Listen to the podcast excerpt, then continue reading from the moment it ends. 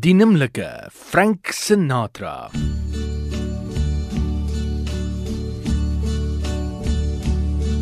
And uh, now the end is near, and so I face the final curtain. My friend, I'll say it clear, I'll state my case.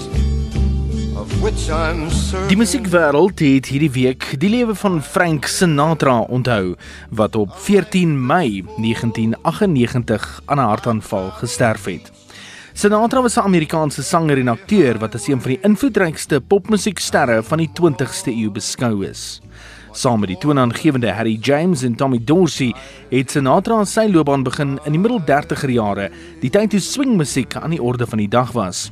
In die vroeë tot middel 40 jare het hy ook 'n suksesvolle solo-kunstenaar geword, bewonder deur duisende tienermeisies, die sogenaamde Bobby Soxers. Sinatra het ook menigte kere beklemtoon dat hy dinge op sy eie manier gedoen het, selfs toe hy groot geword het in Hoboken en terwyl daar maffia oorloë in die buurt was. And I must say there were many times when I had to go on an errand and I skirted certain areas of the town. You know, because the, the, the cry went up, kill the Dago when he comes through the to the corner of town. What I do with my life is of my own doing. I live it the best way I can. Uh, I've been criticized on many, many occasions uh, because of uh, um, acquaintances and what have you. But I don't do those things for ha- to have anybody follow me to, in doing that same thing, is what I mean.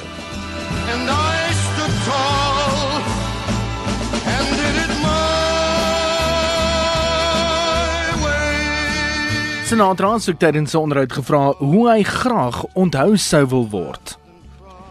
Well, I think uh I would like to be remembered as a man who brought a um, an innovation to popular singing, a peculiar, unique fashion that I wish one of these days somebody would learn to do so it doesn't die where it is. Uh, I would like to be remembered as a man who had uh, a wonderful time living his life and who had uh, um, good friends, fine family. And I don't, I don't think I could ask for anything more than that, actually. In 1971 besluit hy om af te tree, maar 2 jaar later in 1973 het hy egter weer die musiekwêreld toegetree en verskeie albums opgeneem. Een van sy grootste treffers was die temalied vir die Martin Scorsese rolprent New York, New York. Alhoewel die temalied in die rolprent oorspronklik deur Liza Minnelli gesing is, het Sinatra dit vir sy 1980 album Trilogy opgeneem en word die lied tans veral met hom geassosieer. Tot en met sy dood in 1998 het hy steeds nuwe albums vrygestel en musiekkonserte in Amerika en elders aangebied.